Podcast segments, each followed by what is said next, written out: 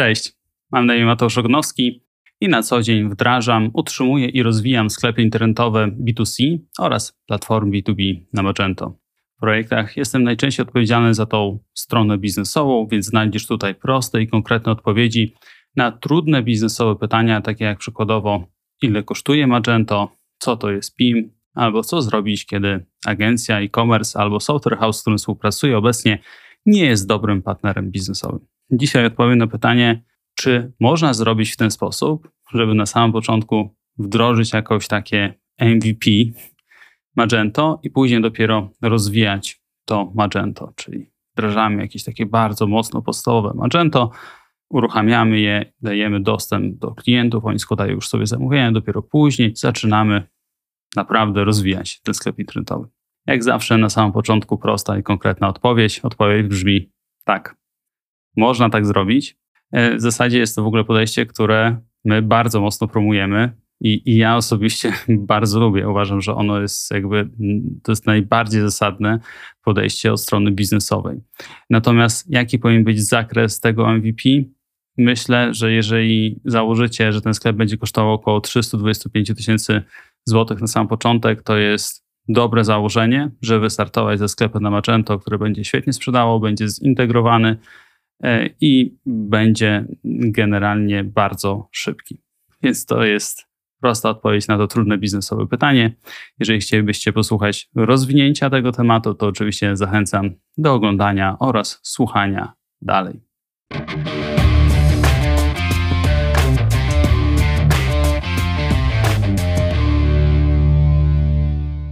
Wstęp mamy za sobą, więc rozwijmy troszeczkę ten temat.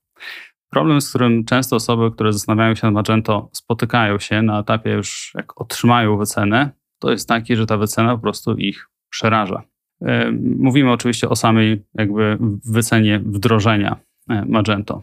Cały proces w ogóle przygotowania oferty często przebiega tak, że ktoś przygotowuje jakiś wstępny zakres funkcjonalny, są jakieś pierwsze rozmowy z agencją, z software house'em, później są doprecyzowane te zakresy, pojawia się jakaś formatka briefu od strony agencji albo od strony software house'u, na podstawie której wy jako klienci zaczynacie zaznaczać elementy, które chcielibyście mieć w sklepie i na których wam bardzo zależy. No i oczywiście tak jest zawsze, że apetyt rośnie w miarę jedzenia, więc jak widzicie, ile fajnych rzeczy można było zrobić za pomocą Magento, to zaznaczacie, że no tak, to też chcielibyśmy. W sumie konfigurator taki zaawansowany jak najbardziej, no tam rozwiązania, które dają nam dużo dodatkowych nowych linków pod SEO, no też bardzo chętnie. Tutaj coś nam zwiększy współczynnik konwersji, to oczywiście. One step checkout, dlaczego by i nie. Jak dokładacie tego zakresu, dokładacie tego zakresu, no agencja w sumie tak trochę bezkrytycznie mówi, no okej, okay, okej, okay, okej, okay, okej, no i zaczyna przygotować ofertę pod to. Przygotowuje pod to ofertę, no i na, na koniec dnia okazuje się, że powiedzmy wdrożenie tego waszego sklepu Magento kosztuje nie wiem, 700 tysięcy złotych. Patrzycie tak na to, 700 tysięcy złotych za Magento, dajcie rzecz spokój. Ja myślałem, że to będzie 150 tysięcy złotych. Jak do tego doszło? Nie wiem. E, no i jakby oczywiście są dwa pytania. Pierwsze pytanie, czy w ogóle co oznacza duży budżet? Ja bym powiedział, że z dużym budżetem, takim początkowego tego wdrożenia Magento mam dwa problemy.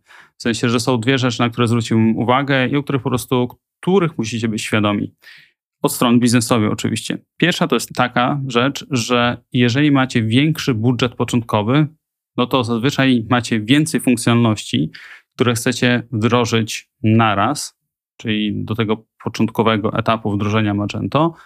No i to oznacza po prostu więcej ryzyk projektowych. No bo tak jest po prostu zawsze. Im więcej rzeczy chcecie, chcecie zrobić, im większy jest projekt, im więcej jest zadań do zrobienia w projekcie, tym po prostu liczba ryzyk rośnie. No nie da się tego w żaden sposób uniknąć. To jest fakt. No i druga rzecz to jest taka, że im jakby większy budżet, tym zazwyczaj projekt po prostu trwa dłużej. Bo to nie jest do końca tak, że agencja albo software house wystawi wam więcej, większą liczbę programistów, no i powiedzmy budżet, czy w ogóle projekt wielkości mniej więcej 700 tysięcy złotych, ona zrobi wam w 3 miesiące. W sensie to się nie wydarzy. Zazwyczaj jest tak, że im jest większy budżet projektu, tym siłą rzeczy jest więcej godzin do przepracowania po stronie software house'u albo agencji e-commerce, no i tym po prostu kalendarzowo projekt zajmuje więcej czasu. Czyli jeżeli weźmiemy sobie na przykład projekt, który zajmie nam, kosztuje powiedzmy 325 tysięcy złotych, to pewnie taki projekt możecie zrobić w około powiedzmy 6 miesięcy czasu. Software House zrealizuje to mniej więcej w takim czasie. Jeżeli na przykład ten budżet będzie wynosił 700 e, tysięcy złotych, no to okaże się, że już jakby czas realizacji tego projektu, czyli czas od kiedy podpiszecie umowę do czasu, kiedy serwis będzie jakby dostępny dla waszych klientów, może na przykład wynosić 10 albo nie wiem, 12 miesięcy. Teraz jakby co to oznacza w świecie biznesowym, że po prostu zamrażacie większą gotówkę na dłuższy okres. No i to już jest taki duży znak zapytania, czy opłaca się to robić. W sensie, czy nie lepiej zrobić tak, żeby zrobić sklep, który będzie zintegrowany, więc jakby wszystko będzie poprawnie działało i będzie oszczędzał nam czasu, czy będzie oszczędzał nam taką ręczną pracę dzięki temu, że będzie dużo rzeczy poautomatyzowanych. Z drugiej strony będzie generował wysoki współczynnik konwersji, będzie zoptymalizowany pod SEO, więc on generalnie tą stronę przychodową będzie nam ogarniał dobrze. Dajemy, udostępniamy ten sklep klientom, jakby sklep zaczyna generować przychody, pojawiają się nam przychody i dzięki temu no generalnie jakby projekt szybciej na siebie zarabia. Jeżeli więcej gotówki zamrozimy na dłuższy okres, no to jakby jest to gorzej z każdego punktu widzenia. Więc jakby w taki sposób można było przetłumaczyć, co w ogóle oznacza duży budżet. No i teraz pytanie, często jakby takie pytanie od klientów to jest jakby na etapie w ogóle rozmów o tym budżecie, w momencie, w którym ktoś na przykład zobaczy taki duży budżet, no to jest pytanie, no kurczę, a czy jest taka opcja, żeby zrobić takie MVP, czyli Minimum Viable Product? To w ogóle pojęcie, no ono jest jakby wzięte z ono jest wzięte tak na dobrą sprawę. Ja w ogóle pierwszy raz o nim usłyszałem w Startup Manual, takiej e, książce i ono było opisywane często w kontekście przykładowo aplikacji jakichś zupełnie innowatorskich, które były budowane w taki sposób, w nich w ogóle samej metodyce chodziło o to, żeby jak najszybciej wypuścić aplikacje z podstawowymi funkcjonalnościami, najważniejszymi funkcjonalnościami z punktu widzenia dostarczania wartości klientowi, bez żadnych fajerwerków, żeby po pierwsze być pierwszym na rynku, to był pierwszy punkt, bo jednocześnie zazwyczaj nad podobnym pomysłem pracuje ileś różnych zespołów na całym świecie, więc kto pierwszy, ten lepszy. A druga rzecz też jest taka, że im szybciej wypuszczamy coś na rynek, tym szybciej możemy to testować na prawdziwych użytkownikach. No i teraz, jeżeli wyobrazilibyśmy sobie przykład takiego Ubera, no to ja tego nie wiem, ale zakładam, że w pierwszej wersji Ubera, która była udostępniona klient, pierwszym klientom, którzy testowali, to rozwiązanie na przykład nie było akurat wyboru różnych poziomów, że tak powiem, jakości tych, no nie taksówek, tylko przejazdów. Tylko pewnie była tylko jeden poziom. No bo czy podstawowa funkcja, czyli zamawianie przejazdu było realizowane? Tak. Czy musiała być ta dodatkowa funkcja, żeby zrealizować ten jakby podstawowy cel, dla którego w ogóle aplikacja powstawała? Nie. No i teraz, jeżeli mówimy o MVP, no to on jakby widać, że to jest w ogóle świetne, jakby ewidentne powiązanie z takimi nowatorskimi, innowacyjnymi aplikacjami. Czy e-commerce jest taką nowoczesną, super innowacyjną aplikacją? Nie do końca.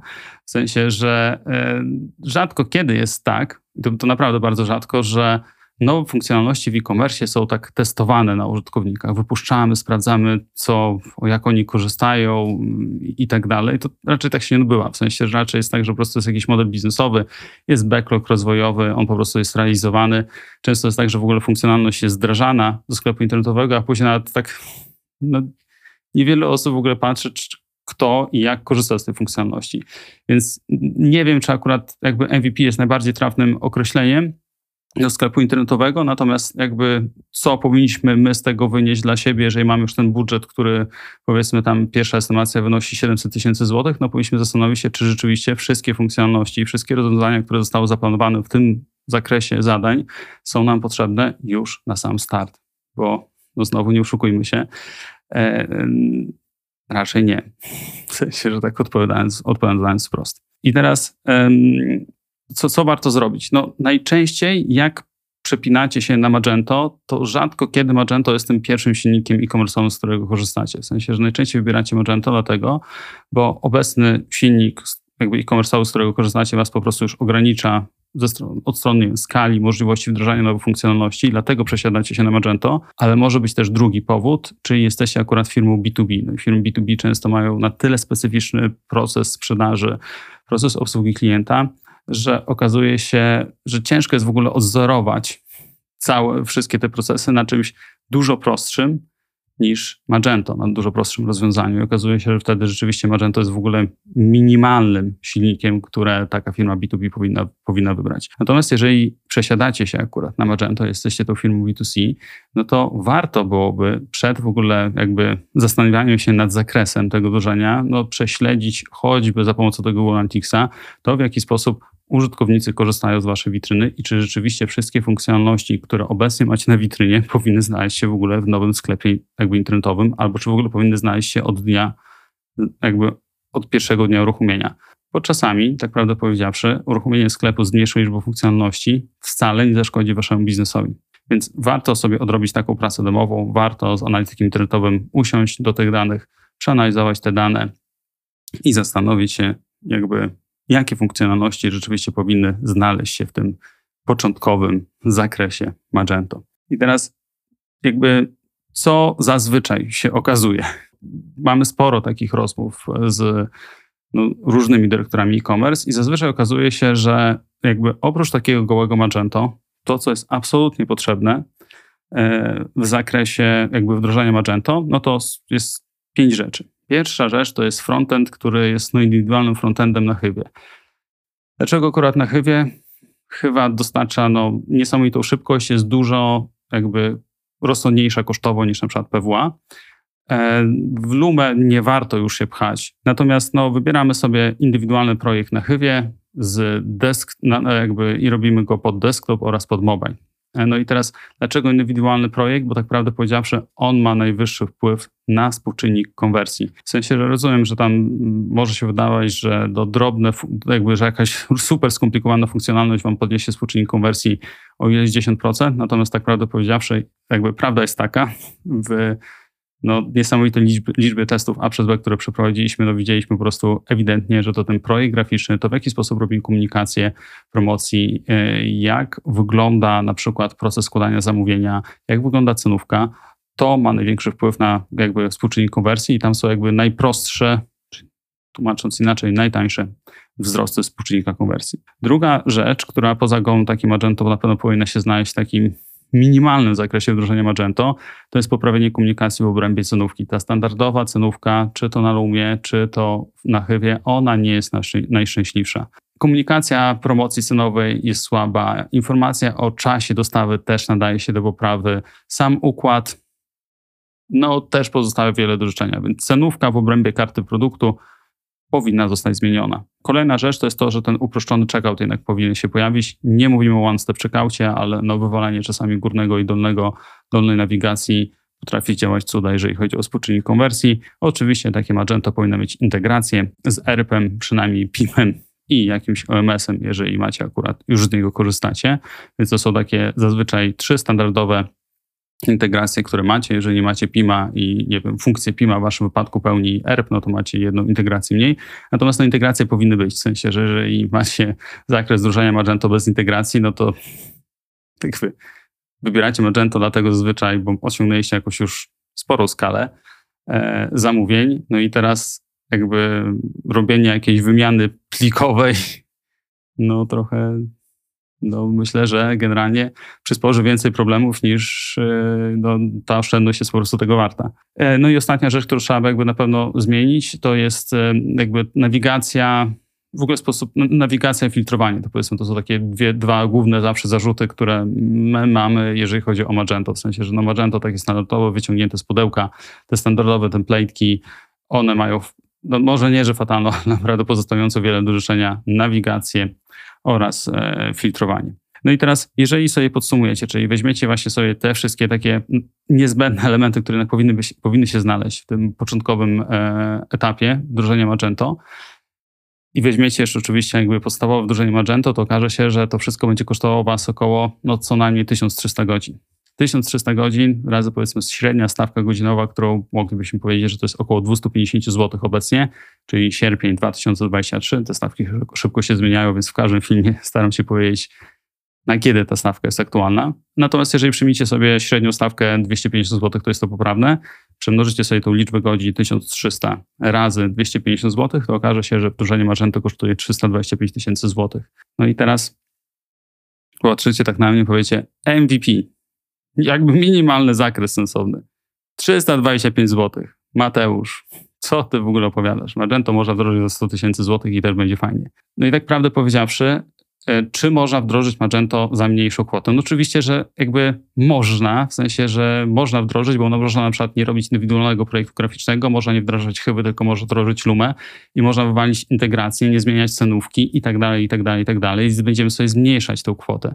Natomiast no, czy to ma jakiekolwiek uzasadnienie biznesowe? W mojej ocenie nie, bo jeżeli miałbym do dyspozycji 100 tysięcy złotych, wolałbym wybrać Prestę albo wolałbym wybrać Shopify'a, które jakby wygenerują mi za tą kwotę po prostu wyższy przychód niż Magento. No bo Magento za 100 tysięcy, porównując to do Shopify'a za 100 tysięcy, no będzie wyglądało jak po prostu jakiś taki biedny, malutki brat. W sensie, że no naprawdę jakby no nie, nie widzę uzasadnienia biznesowego do wyboru wtedy Magento. Więc e, jeżeli dysponujecie dużo mniejszym budżetem, to raczej ja bym naprawdę skłaniał się do jakby innych rozwiązań, no bo jakby nie ma sensu wydawać na Magento takich pieniędzy wtedy. W sensie, że jeżeli macie oczywiście plany jakieś rozwojowe, chcecie nowe kanały zrobić, chcecie dostawić nowe marketplace zagraniczne, nowe rynki zagraniczne i tak dalej, e, chcecie zrobić B2B, B2C, kilka nowych brandów odpalić w przyszłości, no to jakby potrzebuje się tego Magento. No i teraz jakby wydatek 325 tysięcy złotych na sam początek, na starcie, no jest zasadne. Natomiast jeżeli takich planów nie macie i nic w przyszłości nie uzasadnia wyboru Magento, no to po prostu tego Magento, że tak powiem, no nie wybierajcie, bo to po prostu lepiej wydać trzy razy mniej i mieć podobnie, podobny przychód. Więc takie jest moje podejście. Podsumowując dzisiejszy odcinek, czy można zrobić w ten sposób, żeby na samym początku wdrożyć jakby takie jakieś minimalne wdrożenie Magento i dopiero później to Magento rozwijać. Tak, jest to możliwe do zrobienia, co więcej, zalecamy takie podejście. W jakim budżecie mniej więcej zmieścicie się z takim naprawdę absolutnie jakby minimalnym i biznesowo uzasadnionym, e, wdrożeniem Magento? Wydaje mi się, że to jest około 325 tysięcy złotych przy założeniu stawki 250 złotych za godzinę. I czy można zrobić Magento za mniejszą liczbę godzin? Naturalnie, że można. Czy biznesowo będzie to uzasadnione? Uważam, że nie. Dlaczego? Hmm, jakby uważam, że trzeba wydać te 325 tysięcy złotych, ponieważ wtedy dostajecie Magento, jakby nie dostajecie jakby gołe Magento, na którym ktoś jakimś sposobem przez przypadek złoży zamówienie, tylko dostajecie Magento, które generuje bardzo wysoki współczynnik konwersji, czyli dostarcza to wartość biznesową, no bo bardzo dobrze zmienia tych użytkowników, którzy, którzy wchodzą na stronę internetową w kupujących, więc od tej strony biznesowej naprawdę ogarnia. Druga rzecz jest taka, że takie Magento będzie dobrze zoptymalizowane technicznie pod SEO, więc generalnie nie będzie utrudniało, że tak powiem, sprowadzania użytkowników na stronę, a wręcz będzie ułatwiało, no bo będziemy mieli tam optymalizację techniczną pod SEO, będziemy mieli rozwiązania, które zwiększą nam liczbę linków wychodzących, więc zasadniczo jest to super rozwiązanie. No i trzecia rzecz, będziemy mieli Magento, które jest zintegrowane. I jeżeli chcielibyście zejść z budżetem, to będziecie rezygnowali z tych, jakby któreś z tych rzeczy po prostu będą musiały być wykreślane. Czy opłaca się to robić od strony biznesowej, skoro macie biznes, który już zaczyna generować dużą liczbę użytkowników i transakcji? No, nie za bardzo. To tyle, jeżeli chodzi o dzisiejszy odcinek. Dziękuję Wam bardzo za wysłuchanie. Natomiast jeżeli zastanawiacie się, czy ten budżet Magento, który obecnie sobie zakładacie do projektu jest sensowny, czy też nie, albo macie już jakąś wycenę i zastanawiacie się, czy to w ogóle jakby wszystko składa się do kupy, no zachęcam do kontaktu z nami. Jakby możecie mnie znaleźć spokojnie na LinkedInie. Polecam też wejść na naszą stronę internetową. Jeżeli czujecie, że warto było pogadać, to dlaczego by i nie? Cześć. Dzięki bardzo za ten tydzień. Do słyszenia następnym. Thank you.